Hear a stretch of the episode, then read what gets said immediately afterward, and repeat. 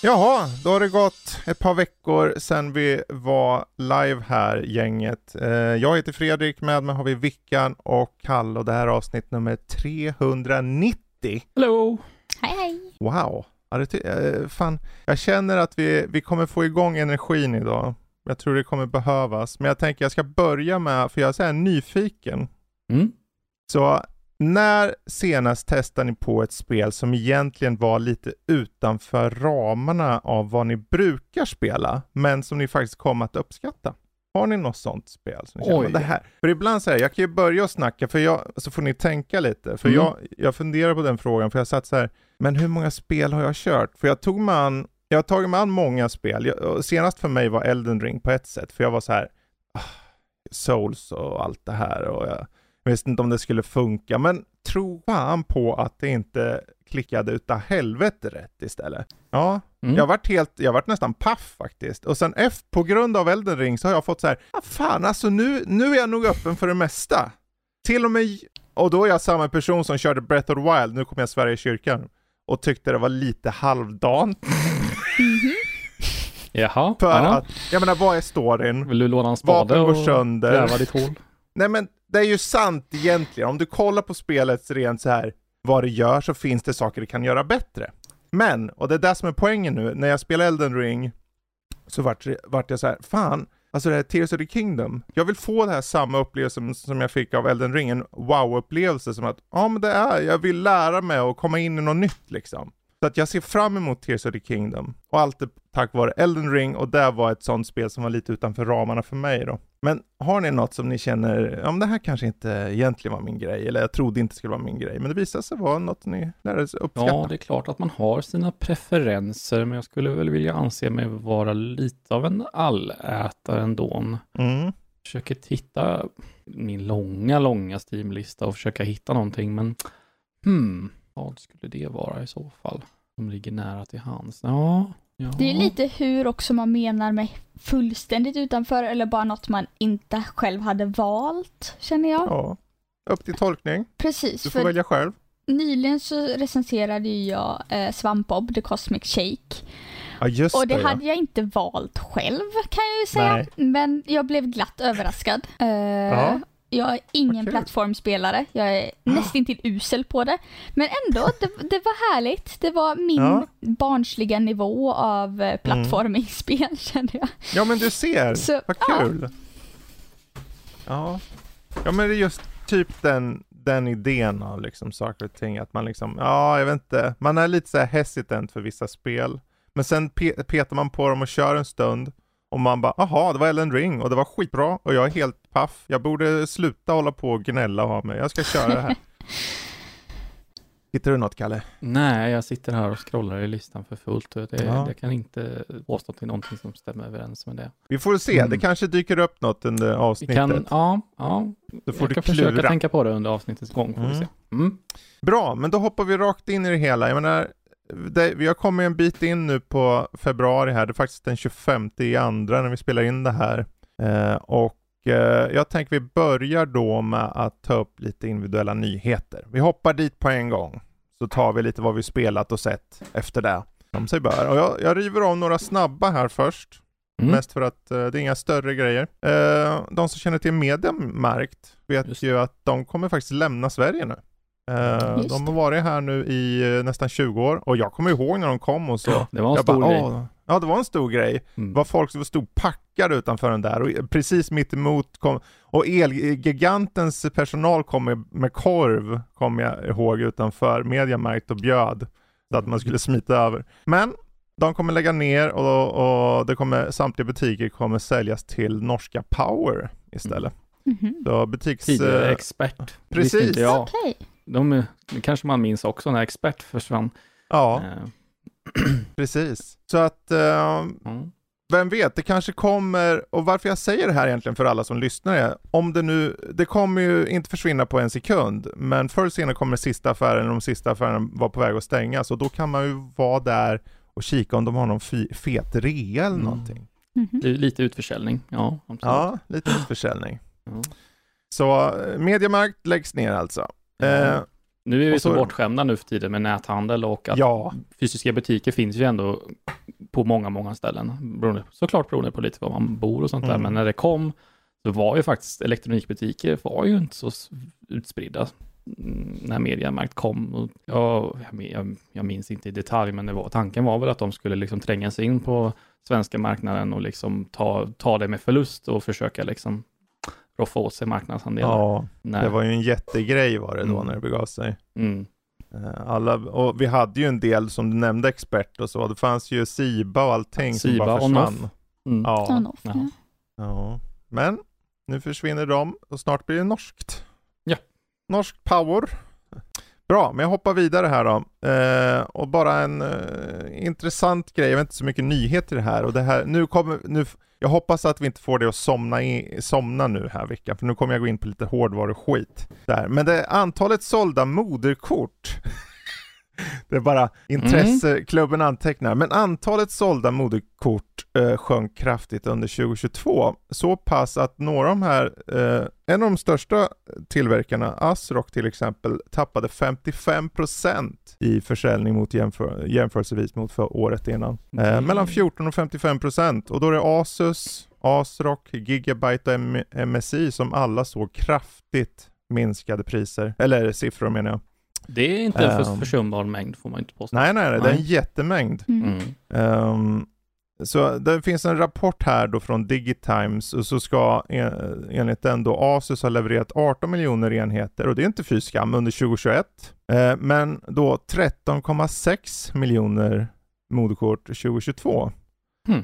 Eh, och det är bara ett företag. Och då är det så här, men det är så mycket som händer nu i elektronikbranschen och sen har vi inflation och vi har allt som händer ute i världen. Men det här är ändå en spegling på hela förra året då. Så att det, jag tyckte det var intressant att se att saker och ting är så, blir så lätt påverkade och särskilt Oh ja. inom den här industrin nu. Särskilt en sån här nischad, i alla fall på personliga Mm. plan eller så här privat plan så är det ju lite av en lyxprodukt egentligen. Mm. Lustigt Ja. att säga kanske att en moderkort är det, men tänker man på det så är det ju faktiskt det. Absolut. Ja. Men det är så här, du måste ju ha ett för att ha en dator liksom. Det är ju den Då kanske man väntar, på. nöjer sig med Mm. det man har. Eller försöker Exakt. hitta någonting begagnat. Exakt. Eh, jag menar, här har vi en, eh, de, de hårdast drabbade tillverkarna som inkluderas i den här rapporten då är MSI och Asrock. Och Mm. MSI har ändå bra anseende tycker jag. Mm. Men Asrock för mig är mycket, det är ett B-märke. Alltid sett som B-märke. Jag hade, idag tror jag det är mycket bättre, men förr så var det känt B-märke. Men det, MSI i alla fall såg antalet levererade moderkort sjunka med 42% från 9,5 miljoner till 5,5 miljoner enheter. Men allra värst var det då för Asrock som då eh, under 2021 levererade under, ungefär 6 miljoner moderkort medan man under förra året skeppade 2,7 miljoner. Och det är så här, men det är fortfarande mycket, men det är avsevärt färre då, i Mm. procent. Liten aspekt som kanske spelar in där är väl eh, AM4, AM5-plattformen där, för AM4-plattformen har ju varit rätt så långlivad. Nu kom ju AM5 i slutet på förra året till Mm. eh, AMDs, eh, när man behövde byta, köpa nytt, eh, nytt moderkort och då fanns det inget begagnat att välja. Men jag tror det är många som inte har varit så snabba på att, att hoppa över till AM5, så då kan man förmodligen byta processor som jag gjorde. Eh, Mm. Jag köpte ju, jag uppgraderade ju, behöver mitt moderkort men köpte en ny processor förra året. Mm. Jag tror det är många som har gjort det, ett sånt kliv, just för att eh, den eh, plattformen har varit så, vad ska man kalla det, framåtkompatibel, får man kan säga så. Precis. Ja. Ja, ja, vi får se hur det fortsätter under 2023, men jag tyckte det mesta var en intressant grej. Ehm, så att eh, jag tänkte jag tar upp det. Mm. Men jag hoppar vidare. Sen har vi här då att Microsoft tillkännager då ett eh, rättsligt bindande tioårsavtal för att ta Call of Duty till Nintendos plattformar. Oj. Ja, så eh, jag ville köra kod på switchen eh, om något år kanske. Så då blir det väl aktuellt då. Och sen är ju frågan, okej okay, men kommer det vara lokalt? Alltså kommer det laddas ner eller kommer det köra det över cloud? Mm. Det finns ju en stor chans att det blir över cloud, skulle jag gissa. Men Ja. ehm, Undrar ju vad det krävs för nedbantad version för att klara av att spela det på en switch. Liksom. Ja. ja, det kan man ju undra. Kanske Men, går, ehm, men ja. Ja, det kanske går. Jag menar, det är ju en väldigt, det ska man nog ge dem i alla fall, att motorn som de använder är väldigt effektiv. Oh ja. Mhm. Eh, den, den kan man ju köra, man kan ju nästan köra det spelet på en gammal potatis. Så där. Eh, och köra på en switch borde kanske gå, vad vet jag. Mm. Men det är mest så här att de utan annonserar det är inte så mycket, att det här i sig är så intressant för mig, mer som att det mer är en ett sätt för dem att visa att de inte bara håller sig till en konsol i och med att de försöker köpa upp ett visst annat företag som heter Activision Blizzard. Eh, och jag tror att även om det här, det här gynnar dem, men det här gynnar också Nintendo. Ehm, Men vad, de, vad, vad som gynnas ordentligt då för Microsoft är att de kan säga, ja, vi, det handlar om att ge och bredda, att, att ge många tillgång. Eh, det här kommer gynna Nintendo och Nintendo är Nintendo, Xbox och Xbox, skilda plattformar. Så att det inte är lika, vad ska man säga, för de, Sony har ju sagt att, eh, ja vad har de sagt, att de, de vill typ inte att de ska eh, behålla eh, kod överhuvudtaget tror jag, eller något liknande. Okej. Mhm. Ehm, det har varit massor med halabaloo om det här. Oavsett, eh, vi får se hur det blir med det här i, i eh, längre fram då. För jag menar det sist, senaste Call of Duty-spelet som släpptes till, till Nintendo och Wii U-versionen av Ghosts, och det är typ 2013. Ja, mm. jag kommer ihåg det. eh, Det var en ja. intressant upplevelse att spela Ja. på Wii. Jag provade någon, en, någon enstaka gång och det var, det var speciellt att stå där och vifta med handkontrollen och sikta. Mm.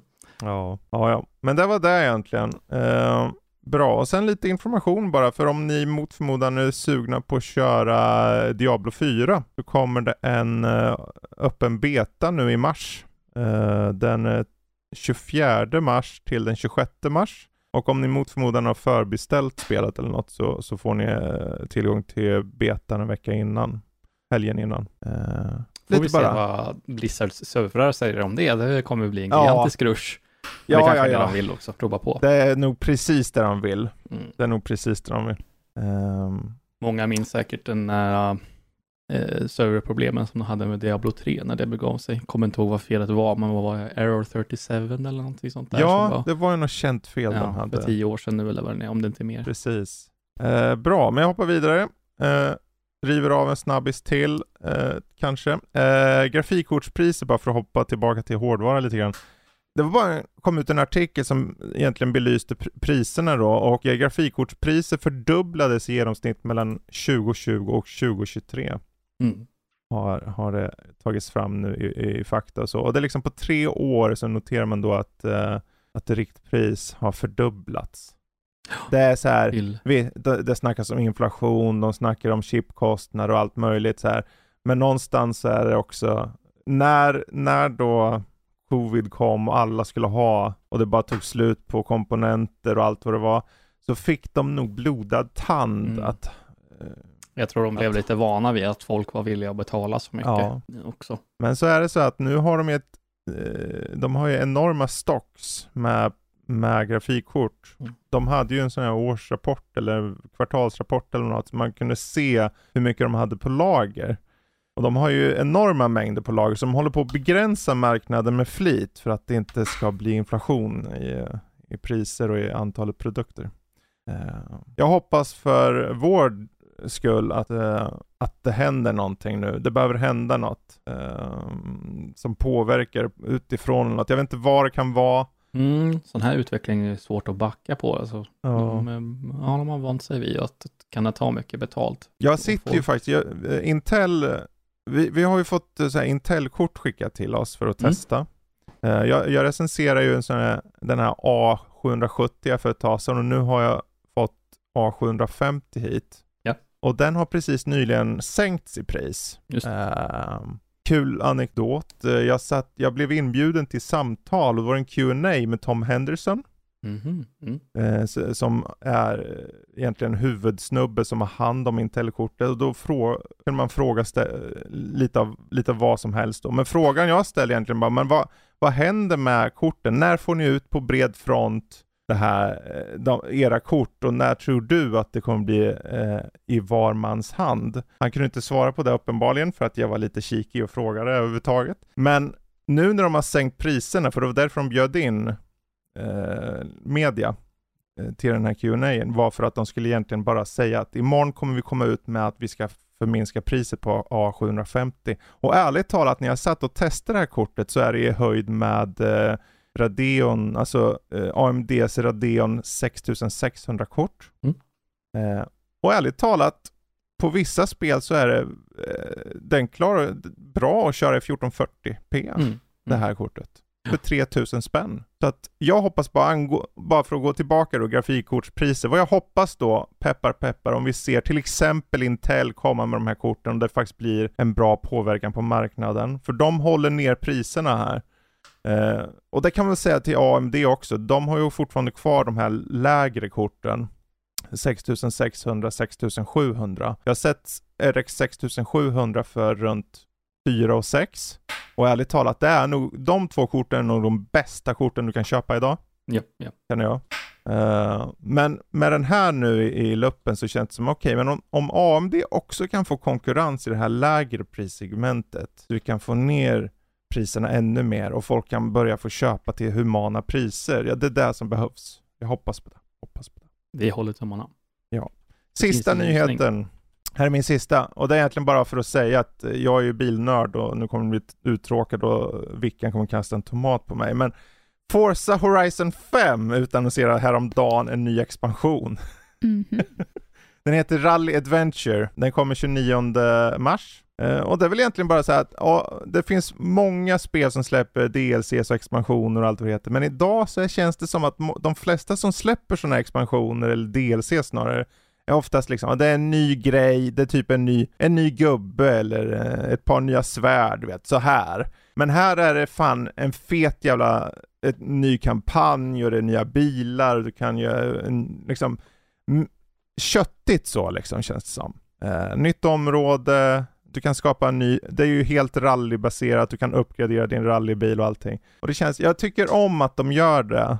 Att de fortfarande släpper lite fylligare expansioner. För förr var det ju alltid expansioner. Idag så är det DLC och du mm. får typ en gubbe med, ja men nu kan jag ha skägg på min gubbe nu. Yippie. Så, här. Ja. så jag ville bara nämna det. Så om ni mot förmodan inte har hört, hört uh, om den här uh, expansionen, Rally Adventures, och ni mot förmodan gillar Forza Horizon 5, det där tipset att hålla utkik efter i mars. Sådär, nu får någon av er ta och lyfta någon skön nyhet. jag kan väl hoppa in. Jag har mm. bara två lite kortare idag. Absolut. Uh, och det ena är att uh, det kommer komma en ny Sagan om ringen-film. Uh, har mm. utannonserats och då är det då ifrån ja, men, Sagan om ringen-böckerna och Bilbo eh, som man ska basera detta på. Och då är det, om jag minns rätt nu, HBO som har börjat kika på detta. Eh, ja, så det, det, ska bli lite spännande. Eh, och då ja, har precis, de ju rättigheterna Bros, till, ja. precis, rättigheterna till eh, ja, men Gandalf och alla liksom karaktärerna. Mm. Så det är lite spännande att se vad, vad gör man? Gör man det bara på nytt eller blir det något mm. annat? Alltså hur tolkar de det?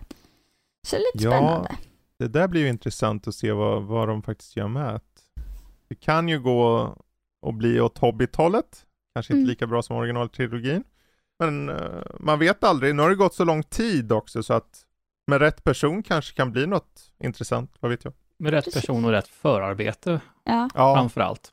Stackars Peter Jackson som fick sitta och stå och hitta på på plats vad han skulle göra i Hobbit-filmerna. Ja, jag tyckte så synd om jag såg bakom kulisserna och han sitter där på on-set och ser helt... Ja, han var helt förstörd. Det helt skulle förstörd. egentligen vara Guillermo del Toro som skulle ha gjort de där mm. Hobbit-filmerna, men han ja. hoppar ju av. Ja, vad har du mer då, Vika? Ja, och det andra är väl mer ett, av ett rykte faktiskt. Eh, mm. Och det är att nu när Hogwarts Legacy är så hippt och nytt fortfarande, så börjar det snackas om en tv-serie jag tänkte, jaha, och vad ska den handla om? Det är ju du själv som skapar berättelsen, men ja, det finns ju ändå en story eh, som jag antar att man mm. kan bygga lite på och då skulle det vara en, en prequel eh, till då Harry Potter. Det skulle utspela sig möjligtvis ännu tidigare än Fantastic, Fantastic Beasts. Mm. Eh, rykte som sagt, men det hade varit intressant tycker jag att se hur man, ja men hur tar man det? Ja, men det finns ju nog mycket utrymme för det känner jag. Ja, Absolut. Jag fråga det. Jag, Ja. jag ska inte påstå mig vara världens största Harry Potter-nörd eller, eller liknande, men eh, bara en spontan känsla jag får är att det finns, finns utrymme för mer media. Alltså nu har uppenbarligen spelet kommit och är poppis och sådär, men, men vad det kommer till film och tv-serier så absolut, tycker jag väl. Mm. Ja, och ska man basera det på Hogwarts Legacy känns det ändå som man har rätt så eh, stor möjlighet till kreativ frihet och kunna ta Mm. ut svängarna lite. Absolut. Precis, precis. Ja, och det är sådär, det är fördelen att ha i en period som, som under den perioden som spelet utspelar sig, var det typ slut på 1800-talet? Jag tror det. Ja, då är det liksom, du, det är som du säger, de kan eh, testa sig fram själva och hitta sin egen berättelse. Eh, men ja, jag, jag skulle personligen faktiskt vilja se vad det blir för något, om det skulle bli något. Uh, peppar peppar. Mhm. Bra där. Ja, Kalle då? Mm. Ehm, en, en liten nyhet och det är att, vi, att Elden Ring har fyllt ett år. Ja, just det. Mhm. Mm. Och det är ju Ja. Grattis Elden Ring! skeppat, uh, och nu har jag inte den nyheten framför mig, jag tror de skeppade 20 miljoner kopior Ja. eller något sånt där. Jag vill säga också eh, Ja. 20. Eh, Mm. Det är ju inte illa pinkat. Nej, verkligen alls. inte. Mm. Eh, ja, det är kul med, det är så här, man pratar försäljningssiffror, herregud. Jävla nördigt på ett sätt. Åh, 20 miljoner. Men Det, det är så här, det visar ju ändå på hur Elden Ring eh, lyckas eh, komma igenom, alltså det är så här, för att Soulspelen är väl egentligen, egentligen lite mer nischade. Det är ju inte en Ja. mainstream-serie Mm. så. Nej. Men nu med Elden Ring så, så har det ju blivit mainstream, mer eller mindre. Ehm, och då är det så här, det, jag, jag är ju, alltså det är bara så här, de måste ha fått eh, blodad tand i den mån att de tänker, men vi måste göra en tvåa på det här. Det är inte en fråga om när, om, det är en fråga om när. Mm. Pengarna finns ju där. Så, eh, väntandes på dem liksom. Sen tar det väl, jag vet inte, de höll ju på med Elden Ring väldigt länge. Oh ja, de hade ju börjat på Elden Ring till och med innan, innan Sekiro, så det var ju bra Mm. länge sedan. Så att, eh, mm, utvecklingscykeln på ett sånt spel, eh, den är ju inte... Men de kan Ändå ju förståeligt med den världen. Alltså, ja, verkligen. det tar ja, tid. Deras spel, Precis. spelsätt eh, överlag och sånt där. Och, ja, mm. Men eh, ja, det är spännande. Jag tänker för det är så här, de hade ju apropå försäljningssiffror då, för de hade ju om Hogwarts Legacy hade ju sålt 12 miljoner ex på två veckor. Mm. Mm. 12 miljoner ex? Men den är inte jämförelse. alls lika nischad. Eh, Nej, tvärtom. Eh, Och plus att det är ett jättevälkänt IP i Precis. grunden, eller universum och så. Så att det, är ju inte konstigt, men det är, så här, det är ändå intressant att se, för det var Mm. ändå, jag menar, J.K. Rowling har, har ju sagt både det ena och andra som man tycker, men undrar hur många som har skippat spel på grund av det, och jag känner många som har det. Men ändå så har den ju nått ut. Och det är så här, spelet står på sina egna premisser för att den på Mm. något sätt är så separerad. Och den med flit separerar sig också från henne med, med vissa val den gör i spelet. Så. Men ja, kul. Då så. Men eh, vet ni vad, jag tror vi hoppar vidare då. Mm. Då tar vi och hoppar in lite snabbt på månadens spelsläpp. Eh, för jag, vi tar och, jag tar och väljer ut några russin ur kakan av de spel som kommer nu. Mars har ju relativt många släpp, men det är inte alla som är så här eh, de självklara spelen kanske. Eh, men jag tror om man tar till exempel den 24 mars, då kommer ju Resident Evil 4 Remake, den vet jag ju att många ser fram emot. Det är Oj. väl en no-brainer. Eh, men det finns också den här eh, Crime Boss Rocky City som kommer den 28 mars, som är, ser ut att vara ett Payday-liknande storybaserat spel med mängder av stora skådisar. Michael Madsen, det var Michael Rooker, det var Danny Glover och all, alla möjliga skådisar i den där. Eh, den ser ut att vara, den kan bli både en kalkon såväl som en oväntad hit faktiskt. Eh, så den kan man hålla utkik efter. Eh, vi har även ett sött litet spel som heter Chia. Eller Mhm. Chia, jag vet inte hur man säger det, men det ser ut att vara en slags tropiskt äventyr, lite Zelda-feeling på det. Fast för Playstation då. Det släpps den eh, 21 mars. Jag tror det även kommer till PC. Det gör ju de flesta eh, Ja, PlayStation-titlar nu för precis.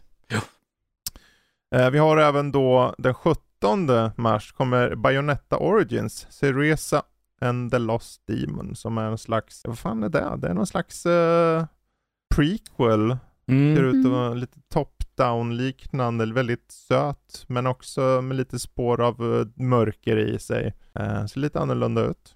Lite plattform, kanske något för dig? Nej, vilka? Du älskar ju platt... Nej. Ehm, Med tanke på hur gulligt det ändå är kombinerat Ja. med ändå det mörka så jag kanske kan komma över plattformdelen. Ja, kanske det. Kanske det. Eh, vi har ju även då System Shock remaken som kommer den 31 eller däromkring. Jag vet inte om det är ett exakt datum, men den ska komma i mars. Um, och eh, den, den vet jag väl inte är för en stor bred publik riktigt. Det finns ett demo på Steam om man är nyfiken och testa. Det är ju på första System Shock. Det är ju tvåan, säger jag, som var med eh, när det begav sig, som, som är den stora. Men den kan vara värd att hålla utkik, om, eh, värt att hålla utkik efter om du är sugen på lite eh, horror survival in space, typ sådär. Uh, vad har vi mer? Sen har vi egentligen, ni får ju säga om det är någon jag skippar då som ni känner är värd att poängtera, men annars ska jag avsluta här med till exempel Fatal Frame Mask of the Lunar Ex- Eclipse som släpps nu den uh, nionde från Kuwait, Kuwait Tecmo. Det är väl egentligen en sån här japansk release som kommer till väst, har jag för mig. Ehm, men eh, för de som varit sugna på Fatal Frame, fota spöken när de kommer emot dig, då, då kan det vara värt att hålla utkik efter. Vi Eh, kan väl ja, vi lyfta har, Atelier också. Atelier Risa. Eh, trean Ja. kommer ju nu. Eh, också liten aning nischad, men jag vet att många tyckte om ettan Mm. och tvåan. De har fått eh, ändå ja, men, goda kommentarer. Mm. Ja, apropå uh, Kuwait Tecmos spel där, ja. Det är jättebra. Eh, vi har ju också förstås den här Wolong Fallen Dynasty. Mm. Mm. Den Apropå, kom det också på, Kuwait Tecmo. Ja, på Game Pass. Precis. Får man ha det. Ja, för det ser ut att vara någon form av, ehm, ja det är lite såhär Dynasty Warriors möter Souls. Eh, Team Ninja som ligger bakom. Så att ehm, den, den kan vara värd att hålla utkik efter den tredje. Eh, och det är väl egentligen de jag kommer på. Det finns även förvisso den här Have a Nice Death. Som kommer nu mot slutet, runt den 22 där.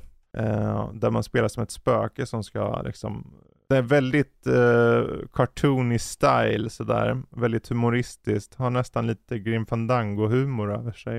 Uh, Side-scrolling, springa runt, hugga och slasha. Men det är väl egentligen de jag kommer på. Är det något mer ni känner ni vill uh, lyfta? Nej, Eh, jag känner mig nöjd. Mm. Eh, Oni, eh, Mm. Road to be the mightiest Oni eller Just något sånt det. där. Jättegulligt litet spel som jag sett fram emot länge. Vi får se Ja. ifall det lever upp till det. Men eh, Ja. ja. Den kommer den åttonde där ja. Ja men definitivt. För det är ju de här små pärlorna, eller potentiella pärlorna, som är kul att tipsa om. Eh, och är man V-norsken som vi har här i Nördliv, då kanske man ser fra- fram emot ett Dark Pictures Switchback VR. Det är liksom the Dark Pictures Anthology VR-versionen av slag som släpps Rakt 16. in i hjärnan. Nej tack. Rakt in i hjärnan. Dagens slogan, det är bara rakt in i hjärnan liksom. Bra, men eh, vi, kan, vi kan hoppa vidare så skjuter vi in lite vad vi har spelat och sett rakt in i hjärnan istället. Vi kan ju vi kan väl börja med Kalle, han, Mm. ser lite, jag, jag, börjar, jag, jag, säger, jag ser att du har skrivit in Witcher 3. Mm. Har du hoppat tillbaka till Witcher? Jajamän, full, och fullhjärtat också. Jag har kommit så långt, eh, jag började väl förra veckan nu, jag kommer så långt jag kommit till Skellige nu, alldeles nyligen. Ah, Och Det är en ganska bra bit in i, i Ja, verkligen. spelet, så jag har väl klämt in kanske, ja, ska man dra till med 25 timmar kanske? 30, Mm. Nej, nu är vi nog uppe i 30 timmar snart. Ehm, nej, men alltså, när jag spelade färdigt, det var, jag kände, jag, det var ju lite av en kedjereaktion jag orsakade där med Witcher 3 när det begav sig när jag spelade det första gången, när 2016-2017. Mm. Eh, så fick jag ju många andra att spela det också och det var typ det enda vi pratade om i ett Ja. halvår eller någonting. Um, vi behöver kanske inte djupdyka allt för mycket i det igen. Jag tycker Eh, mest det är spännande att se vad, vad fick dig att plocka upp det igen? Ja, men Var det bara var ju den här var Next sugen, eller? Gen-uppdateringen som Ja. kom i december, eller november kanske till och med, bland annat. Eh, dock så, när det, precis den dagen den kom så sopade jag ner det och startade spelet, men det gick inte att spela överhuvudtaget på min dator. Nej. Det var, det hackade något fruktansvärt och grejer. De, Ja, och det kom, okej. sen kom det fram att ah, det var visst lite buggar här, så Mm. väntade, avvaktade en stund till och sen så kom det lite patchar och hotfixes och lite sånt där. Och nu flyter Mm. det på fint. Ja. Ehm, och det är en ganska cool uppdatering de har gjort. Eh, Det som jag tyckte var mest roligt är att de har integrerat massa moddar till Witcher 3. Alltså Jaha. texturmoddar, eh, så här, mellansekvenser, fixar som, som folk gjort. Så de har Mm. liksom kontaktat moddutvecklare och bett dem att få implementera det i spelet. Det är ju Ehm, smart. Vilket är smart på ett sätt att de slipper göra det själva, men också Mhm. fint att folk som har liksom lagt så mycket tid av sin egna Precis. tid på det här. Ja, men bara eh, de får liksom- cred för det så är det ju Jajamän, men det har de perfekt. fått. Ja, det har de fått. Ehm, det, det är liksom ingenting som, som sticker ut. Alltså det var ju, nu var det ju upp, uppenbarligen länge sedan jag spelade, så det var liksom ingenting så här som slog mig eh, direkt, men när man går in och läser det så tänker man, aha, så är lite quality of life-grejer de har lagt in, sånt där. De har Mm. eh, lite mer filter på kartan, så en sån enkel sak, så här, eh, att det inte är, bara, det är inte, det är inte smetat med grejer på kartan, eh, som man ser överallt, massa frågetecken och, och sånt där som man såg innan. Ehm, bara en sån sak som att om du ser en växt på marken som du vill plocka upp, då klickar du bara på den en gång så plockar du upp den istället för att få upp den här lilla rutan för att sen plocka upp den. Så det är massa sådana här små quality of life-grejer Ja, just det. Ehm, och sådär. Ehm, första spelet som jag känner att jag verkligen har fått användning av FSR också. Uh, smeta på det eh, för fullt och jag, det flyter på så jävla fint. Mm. Ehm, och så. Är det FSR 2.0 i Ja. det eller? ja, det är det. Vilken det- bara, vad fan pratar ni om just nu? FSR, vad är det? det är uppskalningsteknik. Du Mm. kanske vet det, så förlåt. Men det är så, Ja. Eh, ja, ja, men det är ju kul att du ändå plockar upp det. Det ja, så här, alltså det var ju så här, det tog ju så lång tid och det var ett stort spel att ta sig igenom och det tog, tog lång tid och man dedikerade mycket tid till det och det var liksom en intressant story. Så när man När jag var Mm. färdig med det så då, då kände man den här lilla tomheten liksom, vad fan ska jag Mm. göra nu? Eh, och då visste jag att ja, men det här är någonting jag kommer att spela om, men sen har det bara inte blivit av och sen nu med den här uppdateringen så kändes det rätt, helt enkelt. Eh, och, Kul eh, jag, jag trodde ju att jag hade varit jättenoga min första, första vända där och liksom ja, ja, ja. finkammat alla liksom, områden ordentligt och sånt där. Tji Ja. fick jag, jag har tydligen massa, missat massa grejer. Vilket är roligt. För de har ju många quests som är inte markerade så all, uppenbart överhuvudtaget. Liksom. Man bara snubblar över dem. Och de har jag Mm. missat. För jag trodde att jag liksom finkammade allting och försökte liksom gå och hitta alla de här plupparna och, och sådär. Och då trodde jag att jag hade gått igenom allting. Men det hade jag Mm. ju inte. Um, Det är och de har härligt. lagt till, de har lagt till några quests också, vilket är roligt. Jaså? Ja, lite, alltså jag ska inte säga att det är dåligt, men det var lite sådär, lite, det märks Jaha. att de har gått tillbaka, tagit tillbaka han röstskådespelaren för Geralt och spelat in nya, eh, Ah, ja, nya voice lines. Man hör att det inte är samma, eh, eller att det inte är, det är hans röst. tid? Ja, men det är inte Mm. samma tid, förmodligen inte samma utrustning, alltså alla de här bitarna. Så att det, helt plötsligt man bara, uff, nu låter det lite konstigt här. Eh, men det är extrem petitess för Ja. ja. Eh, Hur många quest, quests nya kan det vara liksom? fyra, fem stycken tror jag. Ja. ja. Då är det inte så farligt kanske. Fantastiskt spel och jättevärt att spela om nu, eller spela för första Men gången. kör det inte på delen. Switch för all, allt smör i Nej. Småland. Kör det Nej. inte på Switch, Nej, nej. snälla. Det, det är så här, man får bara ett första intryck. Ja, Och då är det så här, då, det, det vore synd, men så är det med alla Mm. spel liksom. De alla. ja. Ja. ja, ja, men då så. The, The Witcher 3 där. Ehm, jag tänkte innan här, jag ska försöka rycka upp lite i Vickan här. Men vet Mm. du var uh, Lejonkungen sover, Vickan? Du kanske tar den här? Nej, inte nu. I simbassängen. Jajamensan. ja, Det är lördag. det är lördag. Superlördag. Men vet du vad, nu har ju du sagt ord där och det är jättebra att du säger ord för då kan du fortsätta säga ord för jag är väldigt, väldigt nyfiken på vad du tycker och tänker om Hogwarts Legacy. Ja. Eh, det är ett sånt där spel där jag... Oh, vad finns här borta? Eh, jag är Jaha. väldigt bra på att spela spel så och inser oftast lite för sent att jag kanske har sprungit runt lite för mycket. Mhm. Eh, någonstans när jag var på Main Quest 3-4 inser jag att jag är level 18 och har gjort alla sidequests man har kunnat stöta på och får Okej. alltså därför lite olika information alldeles för sent. Eh. Så det ramlar in en massa extra poäng och grejer eh, som man ska få i level 5. Så den biten blev ju intressant, eh, minst sagt, Precis. hur man kan uppleva spelet. Men just att det är så himla vackert och det bjuder Mm. verkligen in till att ja, springa och titta på nya saker, Mm. eh, göra sina egna misstag, för man blir liksom inte stoppad Mm. eh, när man är på väg ut någonstans eller vill kolla på något annat. Som att springa igenom The Forbidden Forest på fel håll när man Mm. ska s- träffas i utkanten. Eh, och lite sådana där spännande grejer. Eh, nej men så jag är, jag är förälskad eh, kan jag väl säga. Det är ett en Ja, är rekommendation kul. såvida man har en, en dator som klarar av det. För jag vet lite Ja. vänner som har varit sugna på det men som inte är spelare annars. Och det är kul att det lyfts så liksom intressant. Mm. Men just man laddar ner det på sin dator och inser att nej, det går inte. Eh, Mm. Det är ju lite tråkigt. Det är ju väldigt krävande och det, det där spelet är ju, jag tror det kommer bli bättre ju längre vi kommer Absolut. för att det behöver optimeras. Eh, men det är märkligt för att det är väldigt CPU eh, Mm. beroende, alltså be- beroende på processor. Det så att det- grafikkort och så har sin plats för det är väldigt krävande och det kan vara väldigt vackert.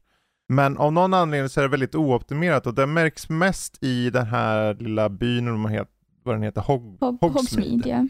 För när du går in där så tankar processorn bara på, för vilken dator som helst. För jag har haft den när jag håller på att benchmarka en massa grafikkort och skit. Så jag har märkt att varje så här, det spelar ingen roll vilket grafikkort du slänger på. Varje gång du går in i den där byn så säger processen ah, ah, ah, jag vet inte om den här byn du.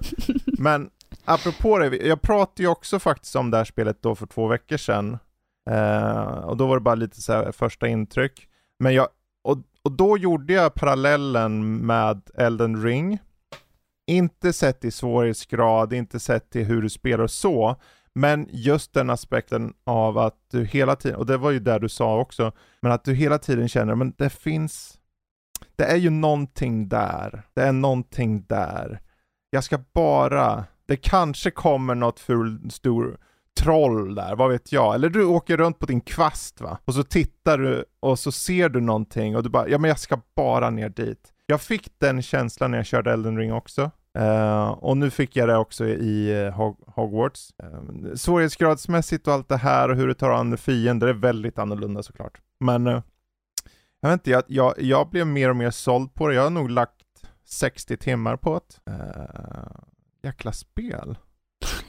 Sen är det så här, det finns ju, jag menar de har ju massor med så här små grejer. Du har ju treasures. Du går in i någon jävla håla, eh, du låser upp du och sätter en, en kub på någon jävla speciell sits eller någonting så den, och sen lite magi på den så öppnas en hemlig dörr och så springer du ner och så finns det en, en kista och så får du typ level 5 byxor när du är typ level 40.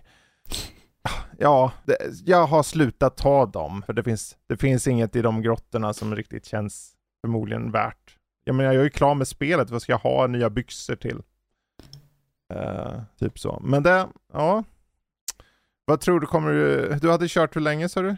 15-20 eller? Ja, där någonstans. Jag har inte kommit jättelångt. Eh, så jag springer ut och tittar på saker. Det är Mm. väl det jag har gjort hittills. Vad tycker du om själva Hogwarts då? Alltså slottet där? ja, det är ju en labyrint. Eh, helt klart. och när saker flyttar på sig blir det inte lättare. Eh, nej, men det är jättehärligt att få liksom gå runt och själv utforska, Ja, eh, tycker jag. Mm. mycket hemligheter där. Mm. Min, eh, min sambo sitter och spelar Hogwarts Legacy bredvid mig här eh, lite på kvällarna och sånt där. Och det är typ det enda hon säger till mig. Titta vad fint det är! Så hela tiden. Vad kör hon det på? Playstation PS5? 5. Mm. Playstation 5. Och det är ju skitfint. Så att det kan vi inte säga emot. Precis. Mm. Ja men det är ett kul spel. Kul, bra.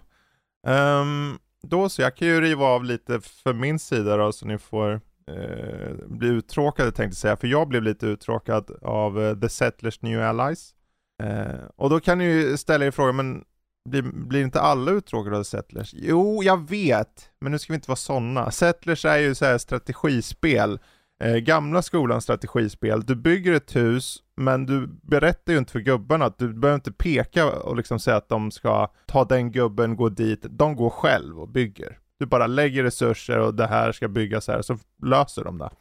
Men i originalspelen så har man ju i regel kunnat speeda upp hastigheten på spelet. för att det är väldigt sävligt annars. Men eh, Ubisoft har valt att göra det online, eh, tvunget att vara online Mhm. för att du ska kunna köra med kompisar och så. Och mot. Men det innebär ju också att i online-läge kan du ju inte speeda upp något. Så Nej. de har tagit helt bort den delen då. Eh, Nu är det, det är ju bara en del Fredrik, det, är ju, det gör väl inget. Ja, tyvärr är ju tempot överlag i spelet så pass segt att jag själv känner, ja men nu vet jag inte riktigt hur ni har tänkt det. För det är ju det är kul att bygga hus och, och så, nej, men, men när de då liksom ska föra de här resurserna över halva kartan och det tar typ sju timmar känns det som, då är det så här, men nu, nu borde ni ha fått till den här pathfindingen lite bättre. Sen hjälper det ju inte till att det buggar ut och tappar online Eh, det är som så, cannot find the network hela Mm. tiden. Mhm. För ett spel som, och då tänker jag, men om ni inte kan hitta det, varför ska jag, då kan då kan ni väl lika gärna haft en offline-version då?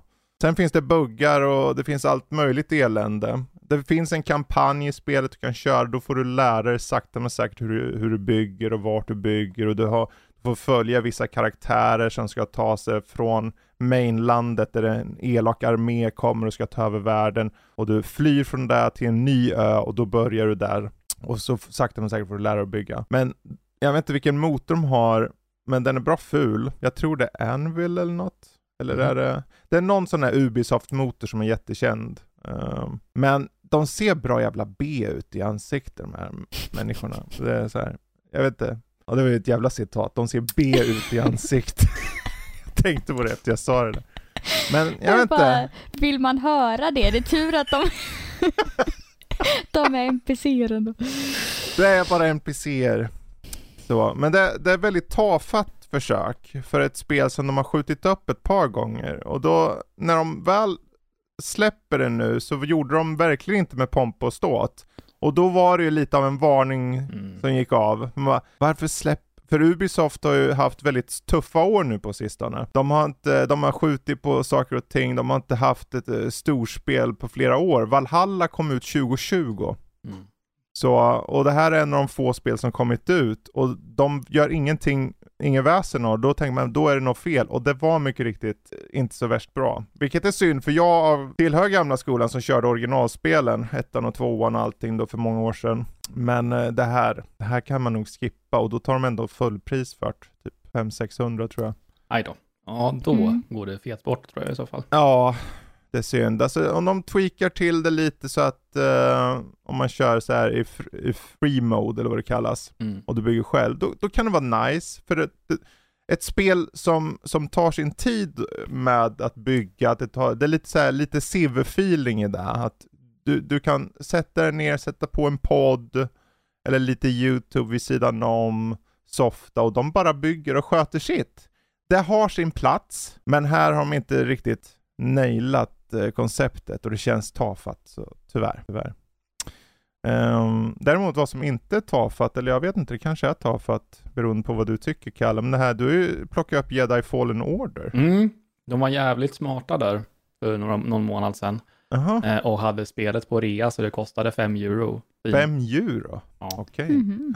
Passande nu inför tvåan. Ja, ja, men det var, det var nog precis tanken där, för tvåan Mm. kommer väl vilken månad som Ja, den helst, kommer nog om ett par veckor, ja om en månad eller ett par månader. Ja. Jag tror det är maj, april någonting. Det var, det var ett smart drag tror jag Mm. av dem. Och jag var väldigt positivt överraskad. Jag har haft så här, eh, kikat lite på det, men nej, det finns annat att spela. Så nej, jag tror jag skiter Ja. det. Men äh, jävlar vilket, vilket bra spel alltså. Och verkligen fångat upp den här känslan av att vara jedi och man typ Mm. finner sig, hittar sig liksom att bara man le- leker liksom runt bara med alla krafter man har liksom Mm. och sånt där och bara försöker styla så bra som, så mycket som möjligt bara för att det ska se coolt ut liksom. Och det är ju ett, ett riktigt spektakel. Det var ju inte superlångt heller och det kan man väl, får man väl väga lite fram och tillbaka om det är en, en bra eller dålig vet du, sak. jag tycker om, för min del så ser jag gärna att spel är runt 15 till 20 till Mm. 25 timmar Mm. beroende på speltyp mig eller genre. 17 och en halv timme tog det mig att ta mig igenom. Det är väl jättebra, Mm. vad Ja. skönt. Jag tyckte det var bra.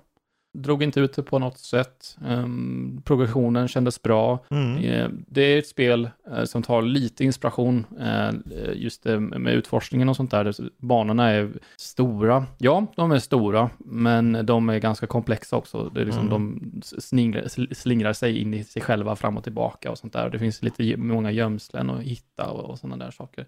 Så vill man så finns det ju tid att liksom Mm. utforska och sånt där. Och jag körde inte stenhårt för det och hitta liksom alla grejer, utan jag utforskade lite grann för att jag ville få tag på mer liksom uppgraderingar och sådana där Mm. saker. Eh, och, så att jag gjorde bara liksom en lagom mängd för, i mitt Mm. eget tycke. Um, jag tyckte det var, det kändes hur bra som helst. Um, så att eh, det, de, de lyckades där att få mig Mm. intresserad av, av Jedi Survivor när det kommer. Och det var väl precis det de ville också. Precis. Jag, vet inte, jag tycker det är sån skön balans i det här spelet. Om, du om man tänker gameplay möter story, Mm. möter, det finns en mystik i det och, Ja. och, och, och karaktärerna tycker jag om. Mm. Eh, så att det, det är en bra, det är en hög lägsta nivå på allting i det här spelet. Ja. Och jag menar det tar aspekter från Metroidvanias till Dark Souls till liksom ehm, och bara utforskande och så. Eh, det finns några, ta lite godbitar lite här och, här och Mm. varifrån. Ja, det var, det var ett utmärkt spel. Alltså jag har ju, sen, sen Elden Ring kom förra året så har jag Mm. gått lite på en sån här single player Mm. streak liksom. Eh, och gått i, liksom betat av antingen nya spel som Elden Ring när det kom, eller gamla Mm. spel som jag känner att, liksom att jag kanske har, har missat eller någonting sånt där. Och det här var, ja men det var utmärkt val. Eh, Mm. Jag, jag gillade det starkt. Kommer du skaffa Survivor på lanseringen eller premiären? Tveksamt. Det var länge sedan jag Ja. betalade full pris till ett spel, men ehm, ja. eh, Nej, tveksamt vid lansering, för jag har mycket, mycket att ta mig igenom om jag känner för det. Men Mm. ehm, samtidigt så kanske det kommer ta en stund innan det kommer på en rea, så det kanske, mm, kanske... Sen är det så här, det finns någonting det finns någonting speciellt med att vara med i snacket. Vara Ja. med Mm. där. Det är ungefär som, som varje vecka när det kommer nytt, när det kommer Game of Thrones eller vad som helst. Mm. Liksom, att, att kunna vara med precis när ett spel har släpps och, och vara med i snacket med andra är ganska kul i sig. Och jag, jag kan köpa ibland spel bara för att jag tycker det är kul att tjabba med till exempel Jesper om något så här. Ja men du, jag har kört det här nya Switch-spelet, bla bla bla. Ja just det, det har, för han kör ju allt, typ. han bara manglar igenom allt. Så att det, då, det- då kan, det finns alltid någon att snacka om och då kan man lyfta saker, för det är, så, det är ju lätt att, det är ju, jag vet inte, det blir, det, spel överlag är lite av en, de har en viss halvtid så att säga. De, Mm. de av lever i tre månader, en färskvara, de lever typ två, tre månader till att vara heta. Eh, vissa mycket kortare, eller de flesta kortare. Det är inte många spel som håller tre månader om man inte är Elden ring då. Mm. Eh, men att vara med i det snacket, vara med från början och du kan komma vidare och snacka om liksom, okej, jag hittade den här saken, den här låg som om första gången jag körde Fallout, Mm. Fallout 3, eh, och de har massor med små gömda saker, det är liksom, här sitter ett skelett med en ciga, cigarett i munnen vid en toalettstol, och så här.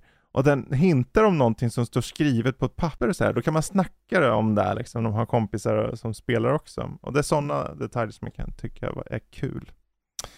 Ja, men nu en liten tangent där. Ja. Men eh, kul! Ja, jag, jag hoppas att de utvecklar, för mot slutet där, då, då började man märka, jag började märka av lite begränsningarna i, eh, i mekanikerna, så att det var inte- det är inte så avancerat uh, vad gäller fightingen Ja. och sånt där. Mm. Igen, nödvändigtvis inte en dålig sak, men man börjar känna av det att, Mm.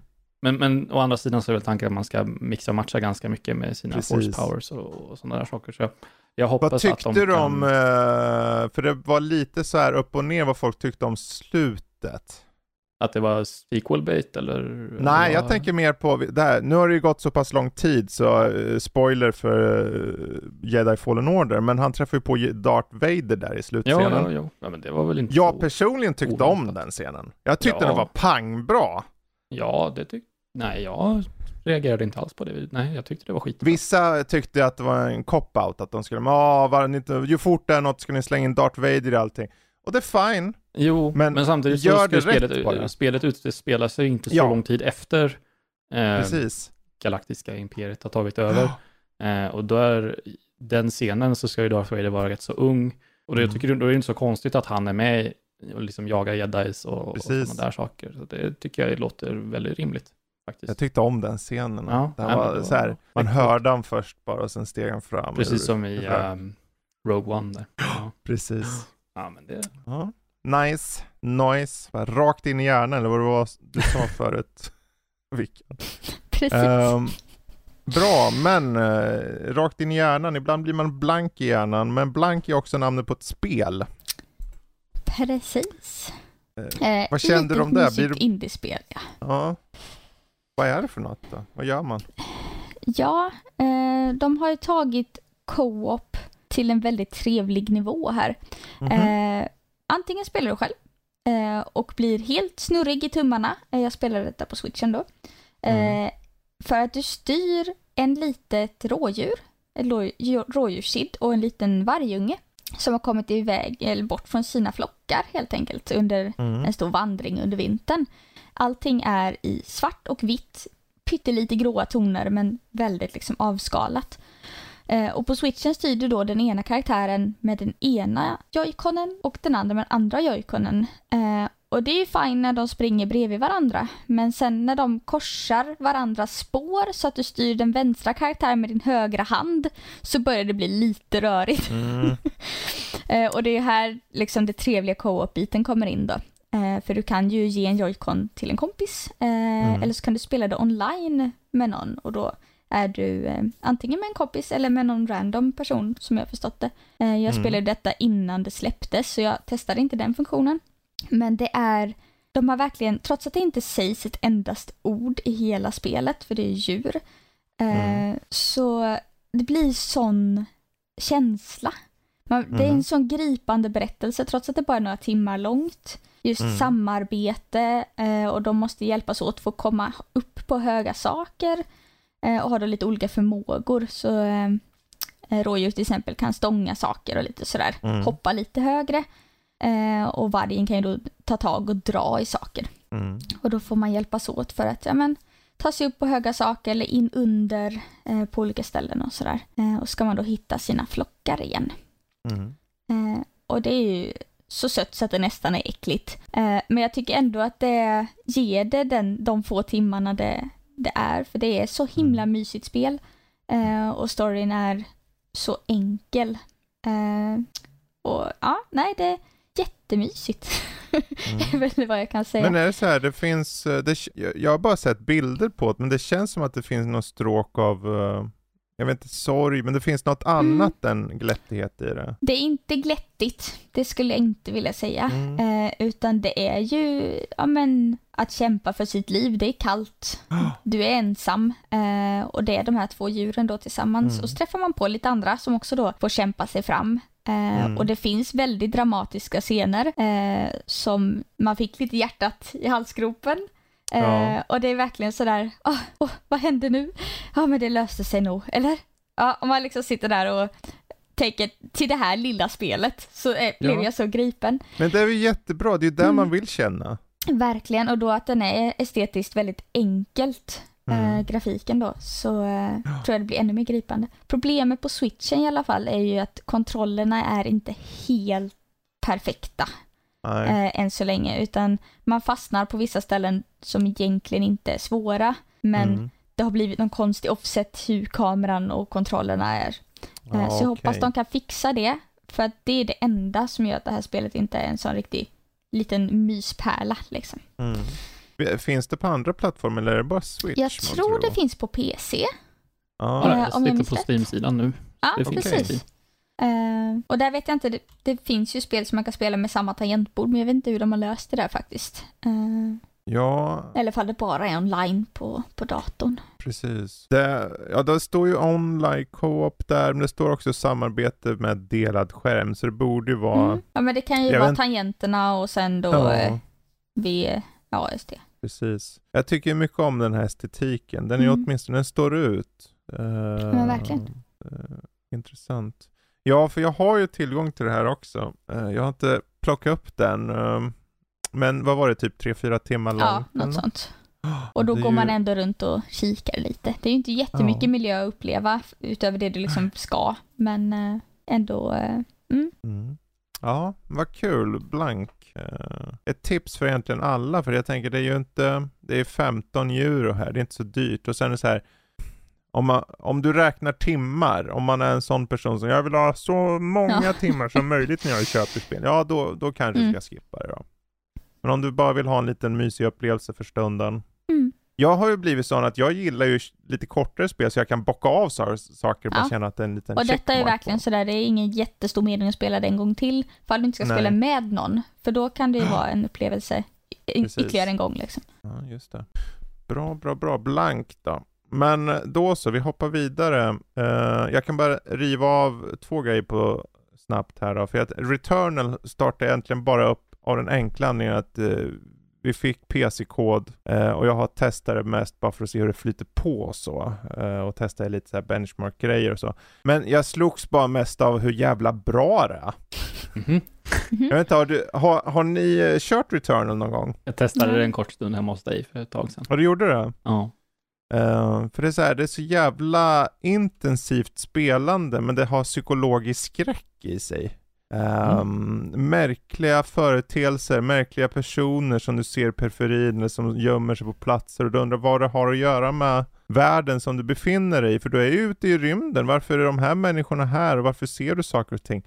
Men är du verkligen här? Det finns massa frågor som ställs och det är så här, det är bara så intressant eh, hur de har få, fått ett, egentligen en bullet hell tredjepersons actionspel och ha lite mer innehåll. Eh, sen är det ju egentligen, det är ju så här, jag vet inte om man kan kalla det Metroidvania eller roguelike, kanske det är snarare en rättare be- beskrivning. Um, men det, jag vet inte, jag tycker bara om man, om man inte har kört det här spelet och du, så har du ju egentligen nu kommit till eh, uh, PC. Så tror jag, tycker jag definitivt ni ska kika in det i alla fall, Returnal.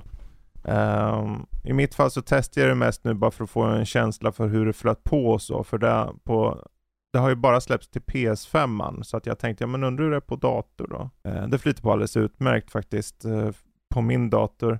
Och jag tror att det har relativt snälla systemkrav också, så att um, 1060 som minimum uh, har en Nvidia-kort. Så att det är ganska snällt, så det är lite tips där. Mm. Eh, så hoppar jag vidare till min sista grej som är eh, en film. Jag var och såg Ant-Man and the Wasp, Quantum Mania. Jag vet Just inte om någon av er har Mhm. sett den än, Nej. Nej. om ni vill se den. Men eh, det är ju då tredje filmen i den här, eh, i Ant-Man-trilogin nu som det blir med den här uppenbarligen. Men eh, de dras in då i The Quantum Realm. Det är ju Scott Lang och det är hans tjej Hope Van Dyne. Men också så följer föräldrarna med. Spelar Michael Douglas och Michelle Pfeiffer där. Plus hans dotter. Så ett helt gäng försvinner ner. Och vad hittar de här nere? Ja, de hittar en stor elak boss som heter Kang. Så om man har sett eh, till exempel eh, Loki, tv-serien, då är han med där också. För han är en så kallad variant. Det finns många av dem och, och grejen med Kang att de har, kommer ha ett typ ett stort krig då och slåss mot varandra och i slutändan kommer det finnas en och han kommer förgöra universum och hela faderullan. Den här filmen är nog en av de svagaste jag sett på väldigt länge. Eh, väldigt plottrig manus och de vågar inte göra ett skit med karaktären. För jag trodde de skulle våga göra en viss sak på slutet.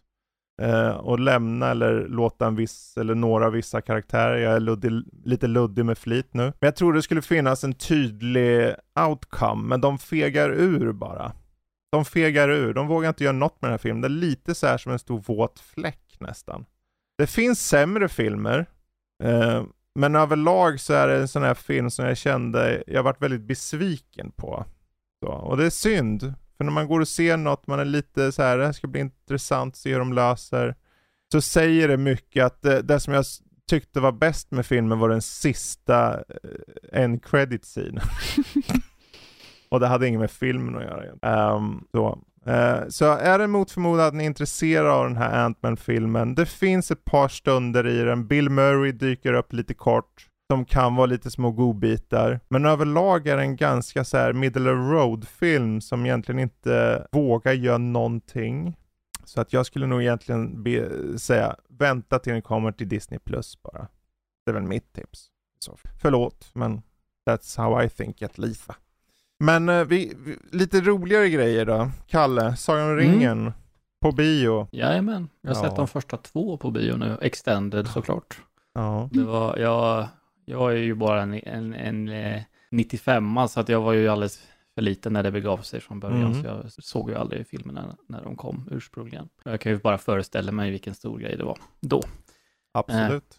Så jag vart ju överlycklig när jag såg i förbifarten att klassiker på bio, de ska visa Mm. alla Sagan om ringen-filmerna, dessutom extended och sånt där. Ehm, och eh, de har fortfarande sista filmen kvar, den, går, börjar gå 6 mars i, över hela landet egentligen fortfarande. Så man har fortfarande chans att se eh, sista filmen om man har missat de första. Och det verkar lite synd, för det, ver- det verkar inte. Nu har jag ju bara min lilla bio, biograf hemma som, och, och, och ta intryck ifrån, men det, första filmen så var det väldigt tomt i salongen. Jag tror det var vi och kanske tio till bara. Sånt där Mm. Mm. som var såg det. Men andra filmen däremot, då jävlar. Då hade folk fått, fått nys om det här och då var det betydligt mycket mer folk. Ehm, Men vilken upplevelse att se. Jag har ju sett de här filmerna hur många gånger som helst, men då är det liksom i va- varierande kvalitet och liksom tv-apparater olika storlekar, allt från någon gammal Mm. eh, tjock-tv från eh, 1800-talet och ja, alltså och förvisso hemma också. Alltså jag har ju helt okej, jag har bra ljudsystem hemma, men inte världens bästa Mm. tv. Och, men alltså så här, så här. Men alltså att se de här på bio med ljudet, med bilden, Mm. åh, vilken upplevelse alltså. Mm. Mm, De mm, står mm. sig ju så bra, Ja, originaltrilogin där. Alltså det, de fick alla rätt, så här, castingen, Mm. eh, regissören som var så jäkla, ja, han gick in för det med hull och hår mm. då när det begav sig. Och det, det syns på skärmen. ja. Och det är sjukt att tänka att de här filmerna nu är 20 år gamla, men de ser Ja. så jävla bra ut fortfarande. De, de har åldrats hur jävla bra som helst och det är Mm. sanslöst alltså. Ja, du får vi se vad du tycker, är det i sista filmen när, eh, vad heter han, eh, alven där åker Ja, ner för en jävla snabel. Ja, jo. Jag vet. Ja, det är ju några enstaka scener med Legolas som ser lite, lite tvivelaktiga ut när han, ja, så. Men, eh, Ja, ja, men det, det är så här, det, du, det funkar ändå. Ja. det. ja, Ja. det gör det.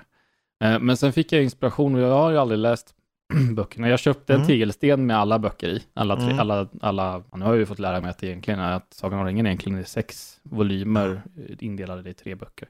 Mm. Eh, Men den hade en sån tegelsten som hade allihopa i sig. Eh, Men jag har inte lyckats ta mig an dem. Eh, Men okej. sen, det visste, det här visste inte jag om, men tydligen så har Andy Serkis, han som spelar Gollum, Smigol, har ju läst in ljudböcker. Jaha. Mhm. Mm. Och eh, då vart jag väldigt nyfiken. För visst, han spelar ju Gollum, så vi vet ju att han, den karaktären kan han ju. Men, jag har men i övrigt så vet man ju att han är duktig på liksom, röster och Mm. sådana här saker. Så jag har tagit mig ungefär halvvägs genom första boken. Och de är eh, plus minus 22 timmar styck ungefär att lyssna på. Så Mm. det, det är mycket att ta sig igenom. Men sen kan man ju fundera på hur mycket podcast man lyssnar på i, i, under veckorna också, så att det kanske inte är så mycket egentligen beroende på hur man vill se på det. Ehm, men han, eh, han, gör det så, han gör det riktigt bra. Eh, Mm. Och visst, skillnaderna mellan filmerna och böckerna, nu har jag börjat inse det, att de har klippt oerhört mycket, och flyttat om Mm. saker, Mm. flyttat om eh, repliker från andra karaktärer och liksom lagt över på andra i filmerna och sånt där. Och det är, det är, så, det är för många detaljer för att gå igenom här Mm. känna spontant, för det är så mycket som har försvunnit. Men å andra sidan så, det är ju det här klassiska, man säger att böckerna är så mycket bättre än filmerna. Ja, fast i den här, det här sammanhanget så vill jag ändå säga det att jag förstår ju vilka val som Peter Jackson gjorde för att klämma in den här berättelsen i, förvisso Alltså, vad- så är det 12 timmar film Mm. Ja, nu med extended. det är så här, första misstaget är att man ens jämför, för det är två Mm. väldigt separata medium. Verkligen. Så Oh, ja. att, eh, och det är så här, man måste göra concessions någonstans, för okej, vad är essensen av berättelsen? Ja, Det är exakt. där du börjar och det är där... Det, det var ett bra ordval. Vad är liksom det viktigaste? Som, Ja. det var, vad är liksom kärnan av hela berättelsen som vi behöver plocka ur här? Det förmedlas så väl i filmerna, så du, Mm. får, du får ju publiken att känna att det finns en historik bakom karaktären, att det finns Mm. en bredd, mer än vad du faktiskt hör och ser egentligen. Så Oh det, ja. Oh, ja. Men det är kul bara- ändå att du får mer kött på benen nu när du lyssnar ljudbok. Ja, Mm. oh ja, absolut. Um, det tar ju, spenderar mycket mer tid. Det tar ju längre tid innan man faktiskt kommer iväg. Bara Mm. en sån enkel sak, så här, en enkel jämförelse är ju det här med att Eh, I filmen så Frodo, de, han, han får ringen och så sticker han iväg typ omgående, mer eller mindre. Mhm. Om Gandalf säger åt honom att nu är det dags att sticka. I, I böckerna, han stannar ju kvar i 20 år i The Shire innan han sticker. Bara en sån sak. Och då har man det som exempel, ja, hur, hur skulle det se ut i filmen om Ja. Gandalf berättar vad ringen är för, för, för Frodo och så sitter han kvar där och, och tar det lugnt och, i 20 år innan han... Jag tar det sen. Det. Böcken, I böckerna så funkar det skitbra och vem är jag liksom att sitta Mm. och kritisera tolken liksom. Det, Mm. men, men ja, eh, nej. eh, Det, Det är så här, hade du haft en pacing, bara just eh, oavsett om att han stannar i 20 år eller inte i filmen, att det Ja. på något sätt syntes, så skulle du säga, du behöver få det drivet fram för Ja. en tittare, Mm. en annan sak än att sitta och se Ja. någon sitta och stirra in i vägg i fem, Mm. även om du har fem minuter så skulle det vara onödigt. Så. Mm, ja. Ja. Eh, Ja. Men det som jag, jag, jag skulle vilja återkomma till den här sen när jag börjar lyssna på, på bok två sen och se hur Andy Serkis, han ändå, hur han kommer göra sin egna karaktär när Gollum dyker upp Ja, det blir ju Mm. spännande. riktigt. Om, Det om han gör det vi. precis som i filmerna eller om det blir en, en liten egen grej och Ja. sånt där. Eh, Och det blir nej, mycket fler det- repliker också, han måste Ja. göra om vissa repliker, för det Ja. finns säkerligen repliker som överlappar, som är verkligen där, som Ja. fanns i filmen. Mm. Och så finns det sådana som kanske har ändrats om till Ja, att bli hur den är i absolut. filmen. Det, det, det skriver upp här, måste ta med Kalle igen här så att han får Mm. prata om Det kommer ja. nog ta... jag ska försöka lyssna så mycket jag kan till dess eh, och se så att vi kommer fram Ja, det är ingen panik. Ja, Vi kommer nej. dit. Ja, nej men Ja. fantastiskt bra. Eh, han gör det, rösterna är fantastiskt bra. Och Man, jag blir lite full i skratt för det som inte hänger med i filmen, eller jo det gör det ju, det är ju lite sång och sånt också, men det är mycket, mycket sånger i böckerna Mm. som han sjung- sjunger, så helt plötsligt man står där och lyssnar och så berättar han vad som händer och hit och dit. Och så bris- brister han ut i sång mitt i ljudboken. Det är fantastiskt. Ja, alltså det, jag blir så full i skratt. Ehm, ja, ja, han gör ju- ja, han gör det fantastiskt bra i alla fall. Det får man inte Ja. säga. Och, och det är ju inte korta sånger heller. Alltså det är ju Nej, nej, nej. Mm. Tolkien, han, är, han var ju hardcore på riktigt med, med sina sånger och, och, och, och språk och allt vad det nu må vara. Eh, så att det- den kan ju liksom helt från ingenstans kommer en sång på tre fyra minuter. Typ. Musikpaus. Tolkien var, Tolkien var hardcore på riktigt. Nog dagens Ja. citat där. Ja. Ja. Nej men sant. Ja, det är jäkla bra. Jäkla Mm. bra skit alltså. Men apropå böcker då, om vi ska hoppa över till Vickan. Du har ju Mm. här Konsten att rädda sitt skinn. Precis. Den ofrivillige hjältens handbok. Eh, och här har vi ju, eh, om man känner igen eh, Livets mening eh, 42, alltså Ja. en eh, liftares guide till galaxen. Detta är ju medeltidens galna kusin eh, till den här kan man väl säga. Eh, en fantastisk svensk författare, Mattias Kuldkepp, eh, Mm. har skrivit den här. Eh, och eh, ja, man blir verkligen inkastad eh, i en värld som utspelar sig i medeltid industrialism någonstans. En spännande kombo.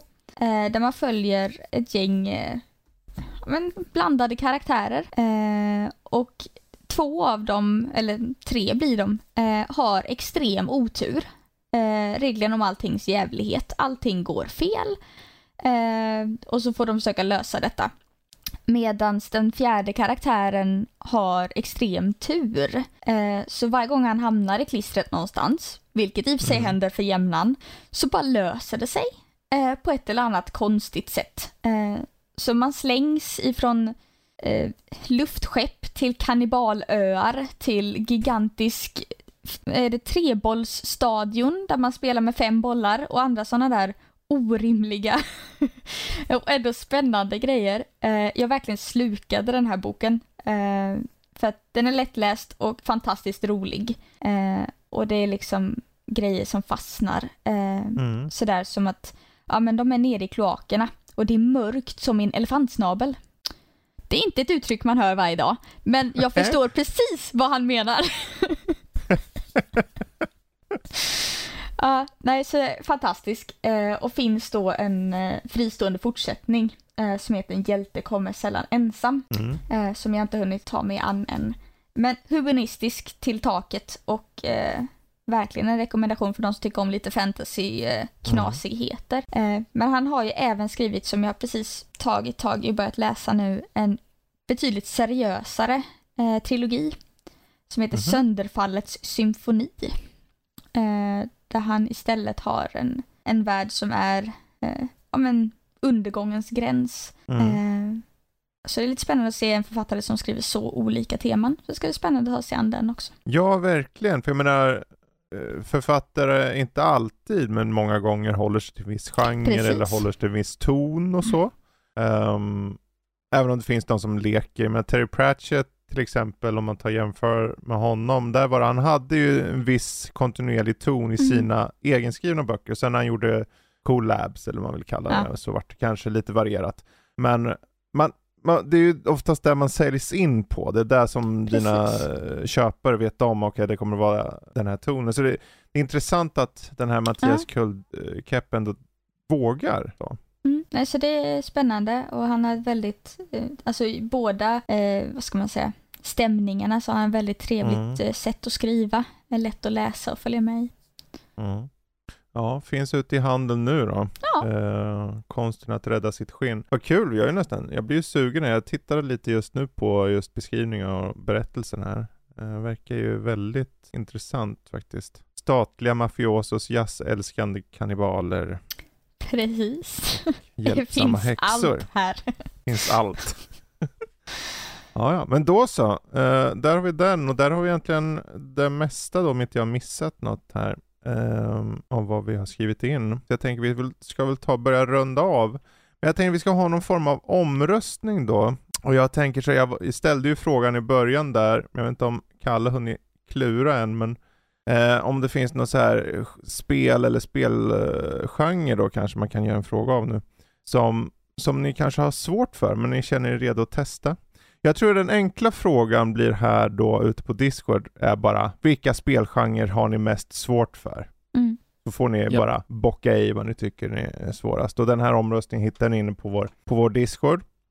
Eh, når man via vår hemsida. Bara hoppa in där. På höger sida finns det en liten, liten knapp. Tryck på den och så poppar ni rakt in och så kan ni hoppa in i omröstningar-chatten. Och är det så att ni har några frågor kan ni skriva det i Q&A för podden som finns som en chatt där också. Eh, så är det väl med det allt va? Eh, är det något ni vill plugga kanske? Kanske ni har någon Instagram, kanske ni har några egna Twitterflöden eller något?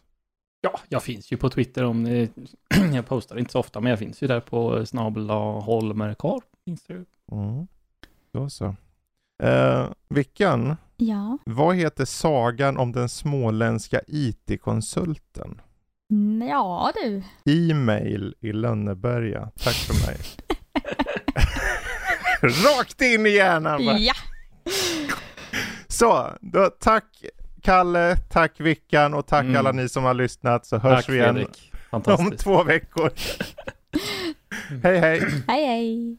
Hej då!